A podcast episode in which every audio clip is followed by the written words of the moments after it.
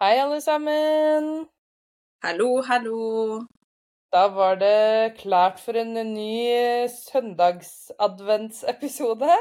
Nå skulle jeg faktisk til å si hvilken episode er det her, men så tenkte jeg det vet ikke vi allikevel, så det Ja, for det er jo faktisk nå tredje søndag i advent. Ja, og så mente jeg litt sånn Hvor mange episoder Er dette episode nummer 14, eller Let's not go there. Nei. nei. Den er god, da skal jeg ikke si noe mer. Eh, hvordan har uka di vært? Nå er det jo, når vi spiller inn, så er det fredag. Og klokka er Ja. 14.14, dere. Claim, claim, affirm, affirm. Yes, yes. Eh, uken min har vært fin. Det har vært mye, for jeg starta en ny jobb forrige torsdag. Mhm. Vil du Eh, fortelle litt om nyjobben, eller? ja, eh, så basically det jeg jobber som, er jo da en driftskoordinator. Mhm. Og jeg har ansvaret for alt av drift, da, og det er alt fra bestillinger til fakturaer til altså krediteringer. Eh, egentlig sånn alt mulig person. Mm. Eh, og så har jeg jo fantastiske kollegaer. Det, alle er eh, ganske mer eldre enn meg.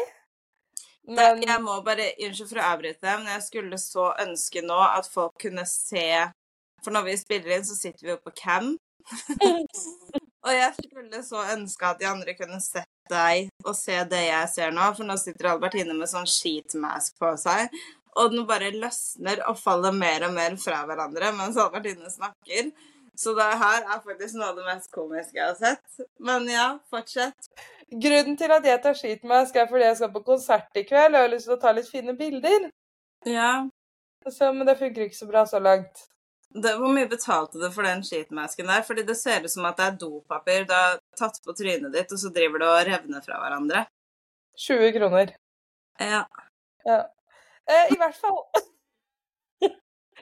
eh, jo, nei, men jeg har ekstremt hyggelige kollegaer som har veldig mye forståelse, for jeg er jo fortsatt student, ikke sant? Mm. Og alle er bare megahyggelige. Det Og så fant jeg ut at jeg jobber med det som er Eller deler kontor med det som er tremenningen til min samboer. Oi. Liten verden. Veldig liten verden, så det var også veldig gøy. Eh, så uka har vært grei. Levert eksamen og Thank you, thank you. Yay. Men hva med deg? Hvordan har uka di vært? Mm. Jeg har ferie. Jeg gikk ut uh, i ferie i går. Hvordan føles det? Veldig deilig. Mm. Så nå skal jeg slappe av og kose meg og ha det bra. Men OK, Pernille. Nå er jeg veldig spent på hva du har funnet fram til oss i dag. Ja, i dag så har jeg faktisk litt forskjellige ting. Mm. Fordi jeg skal starte med én del, Mm. og så skal jeg avslutte med å fortelle en historie. Oh. Og den første delen Nå når jeg har tatt det her i Google Translate, siden hele researchen min er på engelsk, så starter den første delen Overskriften er 'Morsomme fakta om kreft'. Mm, da har vi navnet på episoden, folkens. Ja. Um, og da er første er ordet kreft kommer fra latin og betyr krabbe. Akkurat som stjernetegnet, men det er vel ikke noe stjernetegn som heter krabbe? Er det ikke krepsen? Jo, det er krepsen, vet du. Er det ikke det? feil. Ja, krepsen. Mm. Ja. Men jeg på engelsk, da, så gir det mer mening. ja, og på svensk så er det jo kreftord. Og det er jo nesten kreft. Ja. Så ja. Det, så det som er, da, som er en sånn fun fact på den facten der, det er at når man da har hatt eller har kreft, så kan man egentlig si sånn I have the crabs. ja, men på engelsk så kan jeg skjønne, men prøv å si det på norsk. Jeg har hatt krabber.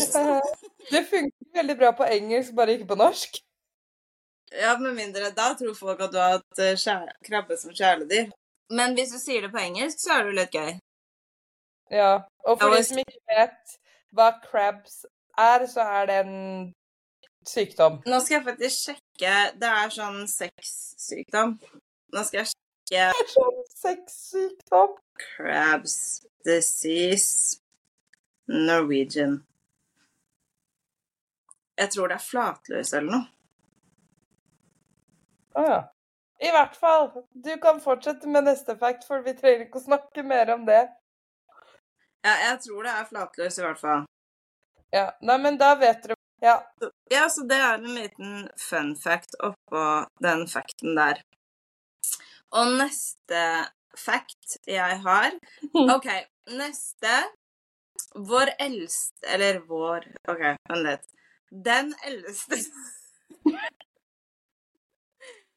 Den eldste beskrivelsen av kreft som man har funnet eh, Selv om de bruker ikke ordet kreft, men det er fra Egypt. Eh, 3000 år før Kristus, og sånn 5000 år siden. Eh, det er en De har funnet det på en sånn papyrus som heter Edwin Smith Papyrus. Um, og den tilhører en sånn gammel bok, da, på en måte, om egyptisk traumekirurgi. Og i det dokumentet så beskriver den brystsvulster Og det her er så jævlig. Brystsvulster fjernet av et verktøy, og det verktøyet kalte de for fire drill. Ouch. Og det er litt sånn morsomt, fordi at i oversettelsen min nå, så står det jo som kalles brannøvelse.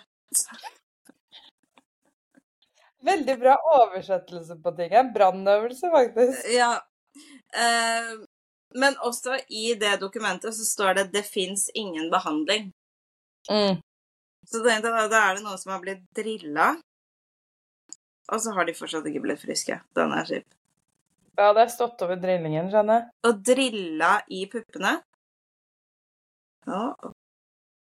Det er liksom ikke så Altså sånn Det er jo Skjønner ikke hvordan man klarer å drille engang, for det er jo mykt vev.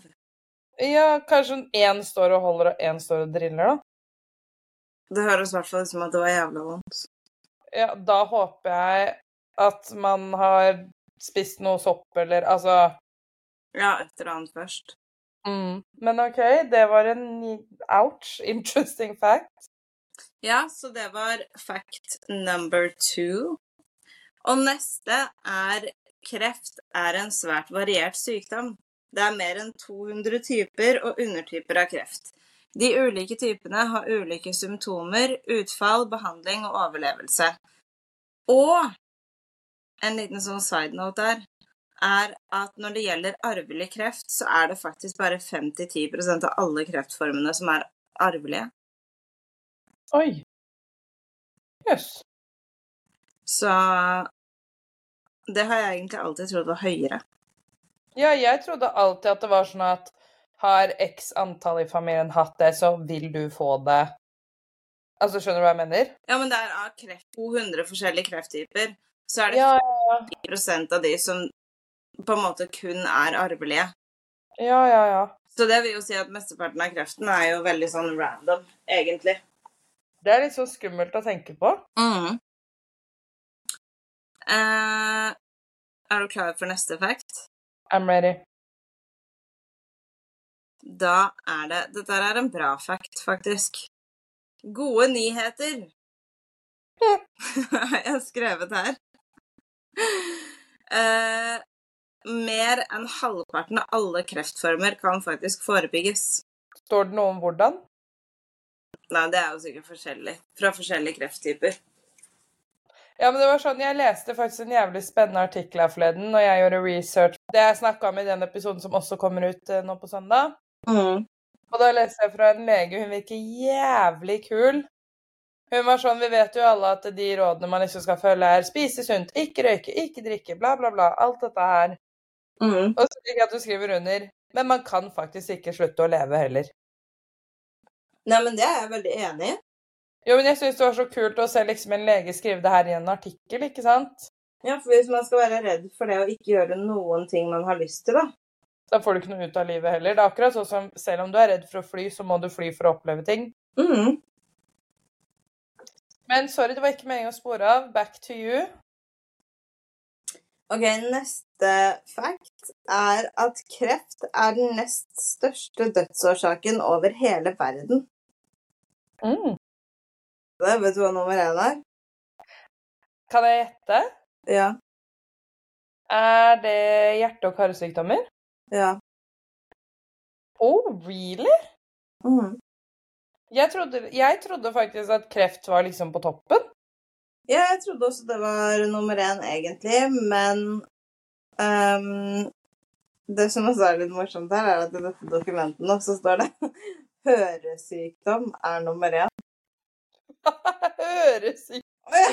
Det er fordi jeg har glemt en T i notatene mine, så jeg har skrevet 'hear disease', ikke 'heart'. Så da skjønner jeg hvorfor.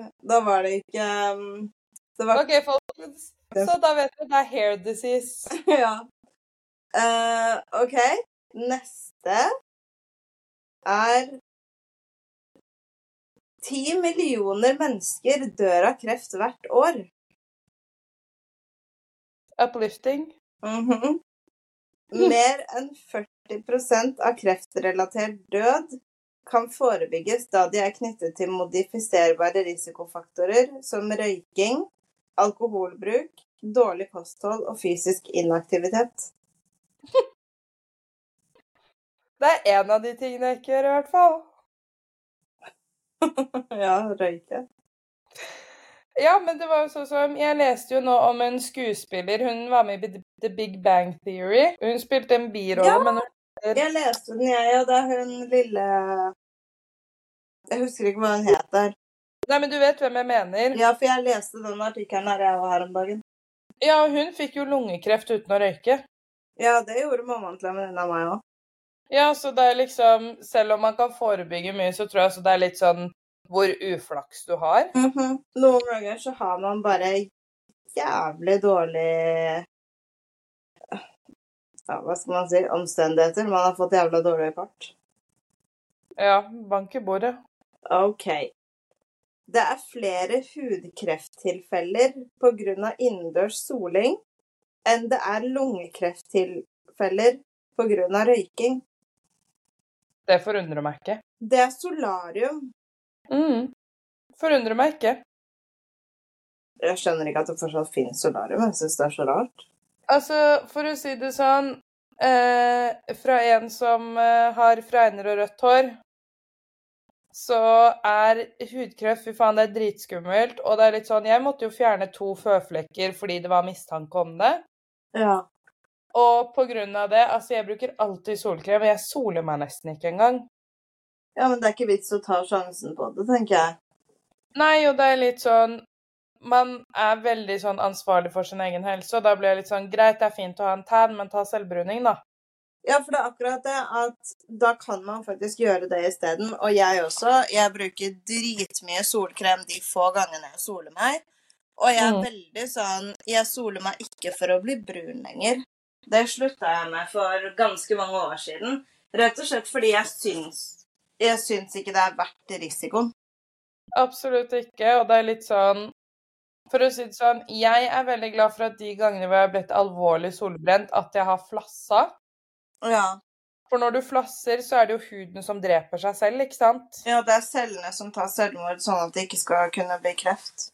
Så jeg er veldig fornøyd med, med at huden min gjør det, og etter det, igjen også Ansiktet mitt hovna jo opp, det husker du jo. Ja. Så etter det, Esk. null soling på meg. Ja, det er bedre å bare la det der være, ass. Det er ikke verdt risikoen i det hele tatt. Helt enig. OK, next fact.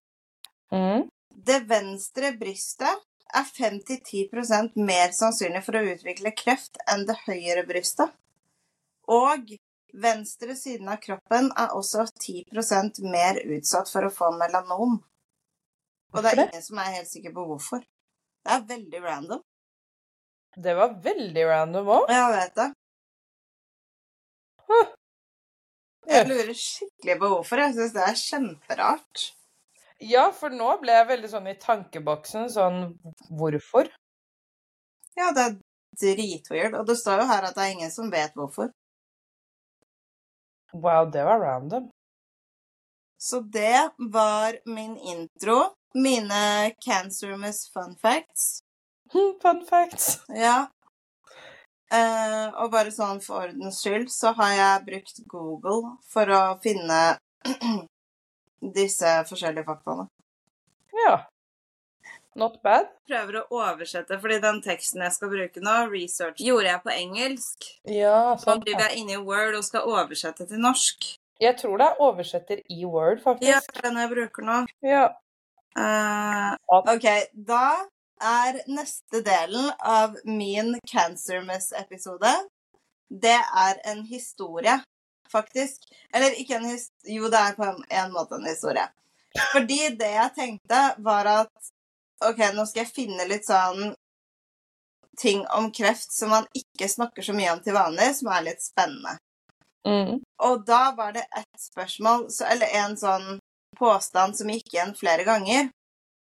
Og det er at det er veldig mange som sier at personer som har kreft eller er alvorlig syke, er mer eh, sannsynlig for å oppleve liksom paranormale ting. Mm.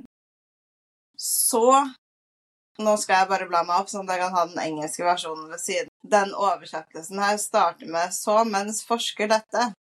uh, uh, så mens jeg drev og søkte rundt da på det her, hva liksom folk legger i det, historier, litt sånne bakting, så fant jeg en historie som Den er jo veldig sånn todelt, fordi på en måte så kan jeg tenke meg at det er veldig naturlig når man er veldig syk, da. Så tenker man mye på død, og da er det jo veldig naturlig at man kan mye på død, og da er det jo veldig naturlig at man kanskje har et ekstra behov for å se et spøkelse og liksom vite 100 at eh, det fins noe etter man dør. Eller Mm. så kan det jo faktisk være at man er mer åpen for det. De sier jo blant annet at dyr og barn er mye mer åpne for det. Mm. Eh, så det kan jo godt være at de som er syke, også har en sånn Jeg vet ikke at sløret er tynnere da. Men historien jeg skal fortelle i dag, det er faktisk den sanne historien bak filmen A Haunting in Connecticut. Oh. Men OK, så da skal jeg fortelle om familien Snedeker. Hvis du er I 1986 var familien Snedeker på jakt etter et nytt hjem. Sønnen Philip, som var 14 år gammel, han hadde fått diagnosen Hodgkins lymphoma. Han trengte da behandling, selvfølgelig. Og da kan det jo være veldig lange avstander til sykehuset fra der du bor. Så det Mm. de ville, da, var å flytte et sted i nærheten av sykehuset. Mm. Eh, og Hodgkins lymfom, som man da sier på norsk, det er en krefttype som oppstår i lymfevevet. Hos de fleste starter symptomene med en, starter symptomene med en forstørret og smertefri lymfeknute. Eh, Det opptrer hyppigst i aldersgruppene mellom 15 og 34 år eller over 50. Oi. Så da vet dere det. I Snedecker-familien var det mamma, som het Carmen. Pappa, han het Alan. Og så hadde de fire kids, så det var Philip, Bradley, Alan jr. Kan vi bare snakke om det et sekund? Mm. Hvor sånn needy på en måte det er å oppkalle kiden din etter deg selv. Jo, men jeg er litt enig. Ja, det er veldig Det er litt sånn Jeg føler at du tar litt fra den kiden sin identitet. Ja, det er akkurat det. Eh, men ja, Alan jr. og Jennifer. Og så hadde de niesen til Carmen. Jeg vet ikke hva det er, men det gjør sikkert alle andre. Jeg er veldig dårlig på sånne familiegreier. Hun er... spør Pernille om det, for å si det sånn. Nei, jeg vet ikke hva det er, men det er i familien i hvert fall. Eh, så hun bodde også sammen med de. Hun het Tammy. Um, og nå ser jeg jo faktisk på den engelske at jeg har skrevet her at det er barnet til søsteren. Mm. Er det riktig? At niese er barnet til Ja, for vi, vi er jo niesene til tante. Ja, så hvis du får en unge, så er det min niese. Yes. Ja. Da har jeg lært meg det. Den 30. juni 1986 så flyttet de alle inn i sitt nye hjem, og barna fikk velge sine egne rom. Og det som var litt sånn weird, da, syns jeg, med den historien her, var at det for at vanligvis når man er fader meg fem kids Bare når vi skulle flytte, så var det sånn 'Jeg vil ha dette rommet. Nei, det skal jeg ha.' Mm, nei, men de fant liksom bare rommene sine og var sånn Ja, ja. Her skal jeg være. Eh, det som var litt kjedelig, da, var jo det at oppe var det jo på en måte noen rom, og så var det en kjelleretasje. Og der var det jo ganske mye plass. Og Philip og Bradley, det var jo de eldste kidsa, så de hadde litt lyst på fred og ro borte fra småbarna. De Som da var de eldste, de ville ha rom for seg selv og flytta ned i kjelleren. Og alt var egentlig fint. De var happy, fornøyd, trivdes i huset. Uh, og ikke så lenge etter de hadde flytta inn, så var Carmen Carmen var og vaska nede i kjelleren. Mm. Og da fant hun masse sånne begravelsesartikler. Altså sånne ting de bruker på begravelseshjem Å ja! Å ja! Ja, jeg skjønner hva du mener. for å balsamere og sånn, liksom. Oi, det er litt creepy å finne, finne kjelleren sin, liksom. Mhm. Og det fant hun, da. Um, og hun har sagt etterpå at hun hadde ikke anelse om at det hadde vært et eh, Unnskyld at jeg ler, men i teksten her nå så står det 'en begravelsessalong'. Jeg lurer på hva det er. Det har jeg aldri hørt om før. Ja, nå døde jeg litt av Men hva heter Begravelseshjem? Eh, heter det ikke bare begravelsesbyrå? Jo, det tror jeg. Ja. I huset da, så har det jo tydeligvis vært det, i kjelleren. Men hun, Carmen, hun sier at hun hadde ikke noe peiling på det, hadde ikke fått beskjed om det. Hun sier også at når de var på visning, så drev de og holdt på å renovere i kjelleren, så de fikk ikke gå ned der engang. Men spørsmål. Ja. Er det sånne ting For jeg vet jo at sånn hvis man kjøper et hus eller leier et sted, så er de pliktige til å liksom oppgi visse ting hvis visse ting har skjedd. Er Ja. det også en sånn ting man er pliktig til å oppgi? Det vet jeg ikke. Men det som er, er at han som eier huset, han sier at det er løgn. Han sier at hun har visst om det siden før de flyttet inn. Okay. Så det er litt sånn Man vet ikke egentlig helt hva som er sannheten. Mm. Eh, men det hun sier, da, er at når hun fant de tingene, så ringte hun til den gamle eieren og spurte han. Og da svarte han at ja, det har vært et begravelsesbyrå der. Mm. Men igjen, hvem av de to som snakker sannhet, det er jo litt vanskelig å vite. Mm. Uh, og det som var, var jo det at Philip og Bradley har flytta ned i kjelleren. Og det rommet de sover på, det er der man hadde sånn um, kisterom. Altså der du kan gå inn og velge kister. OK. Eh, og det har også da vært et balsameringsrom i kjelleren. Ja. Eh, I tillegg til likhusutstyr så fant familien også bilder av døde mennesker. Og der er jeg litt usikker på, for før så var det jo veldig vanlig at man tok bilde. Ja, sånn i viktoriansk tid, var det ikke da det var veldig vanlig at man liksom tok disse bildene, som du sier? Jo, fordi da tok man jo bilde av folk når de hadde dødd.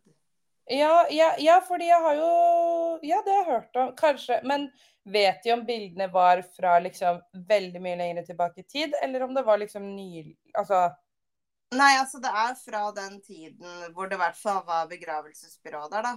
Ja. Men det kan jo også være at man når man har et begravelsesbyrå, at man tar bilder av de som har dødd. Jeg vet ikke. Jeg Det vet ikke om det er at- Det kan jo hende at hvis det har vært noe mistenkelig rundt det, at det er liksom en ting de er pålagt å gjøre. Ja. Men da skulle man jo trodd at det var patologen. Ja. Jeg vet ikke. Det var i hvert fall bilder av døde mennesker der. Mm. Eh, og ifølge Chasing the Frog, og det er jo da et um, en sånn blogg-magasinside, Mm. Så har Carmen sagt at det var et par bilder eh, de fant, men de fant også veldig mange toe tags. Oh. Det er jo Du vet hva det er, ikke sant? Ja, det er sånn de setter rundt tærne. Ja, for å identifisere den som er død. Mm. Og hun har også sagt det at det var eh, mange personlige eiendeler fra de avdøde. Ja. Mm. Og nå skal jeg bare bla meg litt ned her, fordi i den oversatte teksten nå, så er det neste som står her Lar komme inn i skummelt ting. Det som er så gøy med sånn oversettelsesting, er at ofte så blir det ikke 95 riktig engang. Nei, fordi det jeg egentlig har skrevet her, er jo Let's get into the scary stuff. Du har Så, ok, det òg, faktisk. Lar komme inn i skummelt ting. Er dere klare? Ja. Den paranormale aktiviteten i hjemmet startet eh, egentlig samme kveld som familien flytta inn. Men den gikk mye mer på Philip enn på de andre familiemedlemmene. Og Philip er jo da han som er syk. Ja. Det er han med kreft. Eh, og da har Carmen sagt til People Magazine at sønnen min begynte å se en mann med langt, svart hår helt ned til hoftene, liksom. ja. Det er egentlig ganske creepy. For han så liksom han bare rundt omkring i huset. Og han Det han Philip også s- Når han så han mannen, så pleide han å snakke til han. Noen ganger så pleide han å true han. Andre ganger så sto han bare der og var creepy og liksom sa sånn Philip, Philip, Philip. Mm. Um, og jeg vet ikke med deg, men hvis det hadde kommet et spøkelse inn i huset mitt, så hadde jeg ikke trengt å si så veldig mye mer enn navnet mitt. Jeg hadde syntes at det var creepy nok. ja, det er liksom creepy nok i seg selv. Jeg vil ikke vite livshistorien din, på en måte. Ja, når du er 14 år, da. Du, da er jo ting awkward fra før av, liksom. Ja. Det føler jeg er litt sånn unfair når det er liksom barn, hvis du skjønner. Altså, fordi det der er en jævlig klein periode i livet fra før av, det vet man jo selv. Ja, og i tillegg så har han jo kreft. Ja, og da har du nok å deale med, føler jeg. Men det er vel kanskje derfor det også blir sånn, at man er mer Mottak- mottagelig da. Man er mer sårbar. Det kan være. Men, men i hvert fall så var det ikke bare Philip som, som så de tingene, eller merka at det var noe rart i huset. Det, hele familien merket rare ting. Eh, og hun Carmen, da, som er mammaen, den ene dagen så står hun og skal vaske gulvet. Ja. Nå er jeg veldig spent, kjenner jeg. Jeg skjønner at det bygger seg opp veldig nå. Ja. Og da hadde hun jo sånn, du vet, gammel mopp, ikke sant, og en uh, bøtte med vann. Ja. Og, nå, og så stikker hun jo moppen nedi bø- bøtta, og så tar hun ned på gulvet og skal begynne å sveipe over gulvet. Og da sa hun at alt vannet var blodrødt, og så lukta det råtne kjøtt. Æsj. Ja, Nasty. det er faktisk ganske nasty. Og unødvendig. Ja. Eh, og så skjedde det ofte at lysene begynte å flimre, liksom. Mm. Men uten at det var lyspærer i lampene. Det er weird. Ja. I filmen så er det også en scene hvor da er det vel han sønnen som har kreft, tror jeg. Han står og dekker på bordet, og så snur han seg bort. Og når han snur seg tilbake, så er alle tingene han har satt på bordet, er borte. Um, og det sier de at det skjedde i virkeligheten også, men at det var Carmen som det skjedde med, ikke han sønnen. Ja. Uh, og så en liten sånn warning her. Så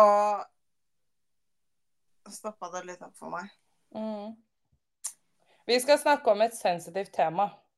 Jeg er litt usikker på hvordan jeg skal ordlegge meg. Eh, hvis man har problemer med seksuelle overgrep, så bør man spole fremover eh, 30 sekunder ca. nå. Mm. Fordi både Carmen og Alan har fortalt at begge to pleide å bli voldtatt av noe overnaturlig. Eh, Philip var jo den som fikk på en måte den største støyten av det her. Og etter hvert, selvfølgelig, så begynte jo personligheten hans å forandre seg. Og det tror jeg du vet, Det er ingen som kan gå gjennom en sånn ting uten at man blir forandret av det. Nei, du En blir ting er kristen, Men det å bli haunted, liksom, når du er 14 år gammel, det er sånn selvfølgelig Og da Det de tror, det er jo det at åndene på en måte begynte å påvirke han Ikke bare at han syntes det var veldig tungt og vanskelig, men at de liksom gjorde han sint. Litt sånn som i Amityville Horror. Ja. Eh, og det de da har fortalt, er at han ble ganske irritabel og egentlig farlig den Mm. ene gangen. Og dette her skjer faktisk i filmen også. At Philip putter eh, Bradley på en sånn båre og snurrer han rundt dritlenge, mens han lillebroren er sånn Vær så snill, slutt.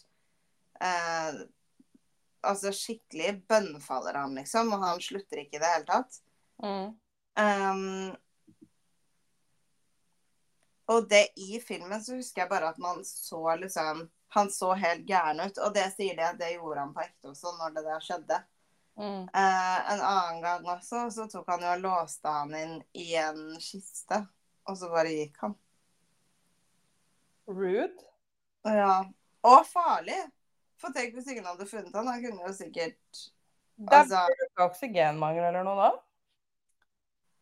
Det kommer vel litt an på hvor tett kista er, men jeg føler at det der er sånn folk har dødd av før. Ja. OK. Neste og egentlig største tingen som skjer med Philip når han bor i det huset her, er jo at han flyr på hun niesen. Ja. Ja, han flyr på niesen sin, hun Tammy.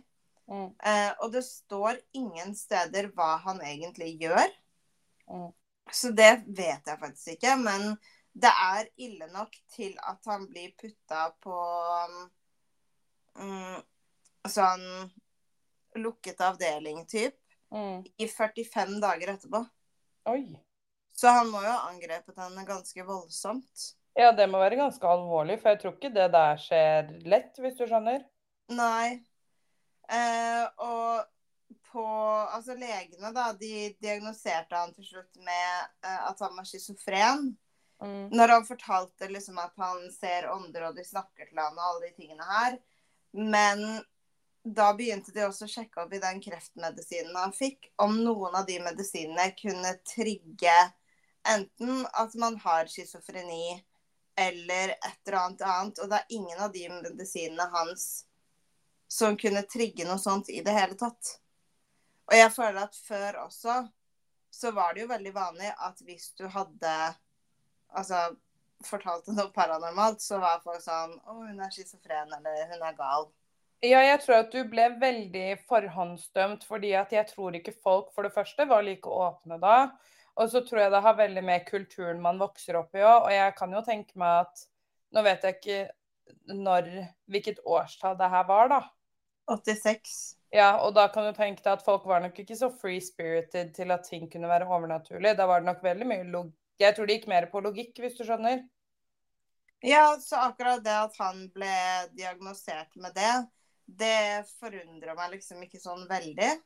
Mm. Uh, og jeg tenker ikke at det er noe s- 100 tegn for meg at dette her var at han var psykisk syk. Jeg er fortsatt veldig 50-50 på Mm. hva det er.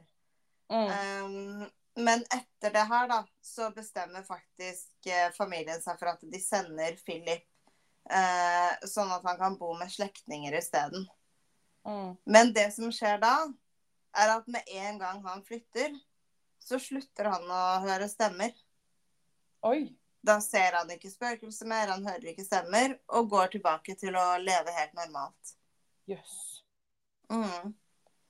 Um, og videre da, så eh, tar familien kontakt med Ed og Lorraine Warren. Mm. Og de har du hørt om i hvert fall. Mm. Eh, det er jo de som er i alle Conjuring-filmene. Mm. En liten sånn side note der er at det er veldig omdiskutert hvordan Ed og Lorraine Warren egentlig var. Kan være lurt å lese seg litt opp på det, fordi eh, det man får servert i The Conjuring, er nok ikke hele bildet. Nei. Um, men de kontakta de to, og så kontakta de en prest. og 6.9.1988 så hadde de en eksorsisme i huset, da. Uh, som på en måte var eksorsisme på huset. Um, og etter det så har familien faktisk sagt at alt sammen ble helt normalt. Alle åndene forsvant. Det skjedde ikke noen rare ting etterpå. Da ble liksom alt fint, da. Mm. Um, og så står det også at neste familie som bodde der, de tror ikke på historien i det hele tatt. De har aldri opplevd noe som helst dårlig. Men hvis de fikk ut alt fra huset under den eksorsismen, så er det jo ikke så rart at neste familien ikke opplevde noe. Mm. Så alt i alt så tenker jeg litt sånn Når man er alvorlig syk, så tror jeg de fleste får et veldig stort behov for å vite at det fins noe etter man dør. Mm. Så det kan absolutt være en psykologisk greie. Mm. Men så er jeg også veldig eh, spirituell av meg. Mm. Så det forundrer meg heller ikke hvis det her faktisk er sant. Han var mer mottagelig fordi at han var liten og hadde kreft og var nedbrutt. Så for meg er det faktisk veldig 50-50 hva, hva det er. Hva tror du? Altså, nå Jeg tror veldig mye på det overnaturlige. Um, det er mye vi ikke vet, og jeg tror det er bra vi ikke vet. Mm. Uh, fordi hvis det finnes mye godt, så finnes det også mye vondt. Mm. Og det er jo sagt at barn er mye mer mottagelige mot ikke bare å se um, Nå vet jeg ikke hva det politiske korrekte ordet blir, men et spøkelse, da, eller et gjenferd. Mm. Uh, og da er de også mottagelige mot uh, andre ting. Ja, det er akkurat det. At det er sånn for meg, så er jeg helt 50-50. Jeg aner ikke. Det kan like gjerne være det ene som det andre, da. Ja, altså man, det som er at man får aldri vite. Nei, det er nettopp det. Så det er Det er en spennende greie. Filmen likte jeg veldig godt. Um, og det er jo også noe med det at det er veldig vanlig F.eks. folk på gamlehjem, da, det husker jeg jo fra jeg jobbet på eldrehjem selv, at når folk skulle dø, så var det veldig ofte at de begynte å snakke med folk de kjente som hadde dødd for lenge siden. Mm. Så noe er det jo i det, tror jeg. Ja, så jeg har også hørt at eh, eh, når man nærmer seg Ikke det at du er døende, men når du nærmer deg det punktet, så er det også veldig mange som starter å hallusinere. Mm. Så jeg tror det er, det er som du sier, det er liksom 50-50. Ja, og jeg tenker sånn Jeg tror på de tingene. Om denne historien her er legit eller ikke, det aner jeg ikke. Men uh, ja, det er helt 50-50 for meg, egentlig. Mm. Jeg har en liten sånn siste side note, bare. Og det er at uh, Philip uh, ble faktisk bedre av eh, kreftbehandlingen sin. Men kreften hans kom tilbake til slutt, og så døde han dessverre i januar 2012. Men hvor gammel ble han da? Jeg mener det er rundt 39 eller noe sånt. Ja, jeg skjønner. Eh, og så bare en liten sånn For research så har jeg eh, i stor grad brukt en historie eller en artikkel som er på en nettside som heter allthat'sinteresting.com. Og den er skrevet av Amber Breeze og heter 'The True Story of the Terrifying Events Behind Haunting in Connecticut'. Ja. Da går det an å gå inn og se der hvis folk ønsker å lese mer om det. Ja, og bare sånn for å ha det sagt at det, det er det jeg har brukt for eh, research. Ja, og så synes jeg også at denne casen er veldig interessant, fordi det er sånn som du sier, det er nok ekstremt mange delte meninger, og det er utrolig vanskelig å vite om er dette en genuin haunting, eller er dette noe annet? Ja, det er akkurat det, og det er litt sånn med sånne eh, historier, så er det jo sjelden at man vet 100% hva som er sant og hva som ikke er sant. Eh, men spennende er det jo uansett. Absolutt. Og det er en veldig interessant case å høre om. Og det var egentlig det jeg hadde å dele med deg i dag. Jo, tusen takk. Jeg elsker jo sånne håndting-historier, som jeg kaller det. Ja. Jeg synes jo det er ekstremt spennende, og det minner meg faktisk på fordi eh, jeg digger jo Creepypodden Ja, den liker jeg òg. og Spøktimen. Og jeg vet ikke om du husker at Creepypodden hadde en episode fra hvor de snakket om stemmene i Hallingskarvet. Nei. De hadde en episode, og jeg tenker på, hver gang jeg står og ser ut av vinduet, eh, så tenker jeg på det. Å, på det fjellet der. Hm, er det, er det haunted, eller er det what is it? Ja, den episoden har jeg faktisk Jeg har garantert hørt den, for jeg har hørt alle episodene. Men jeg hører ofte på det på jobb, så jeg hører med et halvt øre. Ja, Jeg husker ikke den. Nei, fordi den episoden tør ikke jeg å høre på etter jeg bor her hvor jeg bor. Uten å avsløre hvor jeg bor. Nei. Nei, jeg ser den. Det, og tingen er at jeg tror også, tilbake igjen til det vi snakket om, da, at jeg tror det også er viktig at man skjønner at vi er Eller sånn som jeg prøver å tenke, da. Er at vi er ikke her alene. Alle deler plassen, og så må man bare prøve å respektere hverandre så godt det går. Ja, jeg tror i hvert fall det er mer mellom himmel og jord enn hva, hva vi kan se, da. Ja, og det, det tror jeg òg. Men tusen takk for historien. Jeg digga den. Så bra. Bare hyggelig. Det var veldig gøy å gjøre research òg. Ja, og vi tenker jo at dette er sånne ting vi kommer til å starte med framover nå, så kom gjerne med innspill hvis dere har noen. Ja. Det hadde vært veldig gøy, faktisk. Ja, og da, da kan dere jo Da kan dere sende oss DM på Instagram. Mhm. Det er jo Sisters and Squad 2.0. Eh, det er kanskje den enkleste måten å få tak i oss, egentlig, er vel Instagram.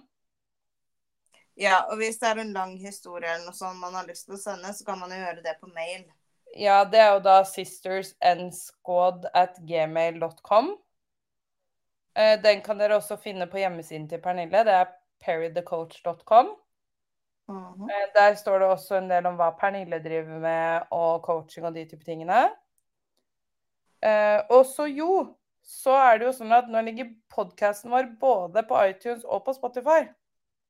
Yay. Så dere får Jeg har fulgt oss selv på, på begge deler for å se hvordan varslingene våre kommer opp. Ja. Så da går det an å sette på den lille klokka. Eh, Det ser ut som en sånn bjelle. Hvor dere da kan få oppdatering når episodene kommer ut. ja. Så eh, da er det vel egentlig bare å ønske dere fortsatt en strålende søndag videre. Ja, tusen takk for tiden deres. Ja, og takk for at dere hører på. Det er jo tredje søndag i advent, er det ikke det? Jo, så neste søndag er det jo da jul. Det sier jo seg selv. Det trengte jeg egentlig ikke å si. Da håper jeg i hvert fall at alle har en veldig fin tredje søndag i advent i dag. Ja, og så hører dere oss neste gang. Jeg blir alltid så usikker på hva jeg skal si der, folkens. Kom gjerne med forslag hvis dere har liksom en replikk eller et eller annet som eh, funker bedre. De hører jo oss Vi, vi snakker til dere neste uke. Jeg Sa vet ikke hvor mye bedre det var. Men uh... Uansett så hører dere oss, og vi snakker til dere. Og så får dere fortsette å kose dere. mm. Tusen takk for tiden deres. Ha det bra. Ha det bra. Ha det bra.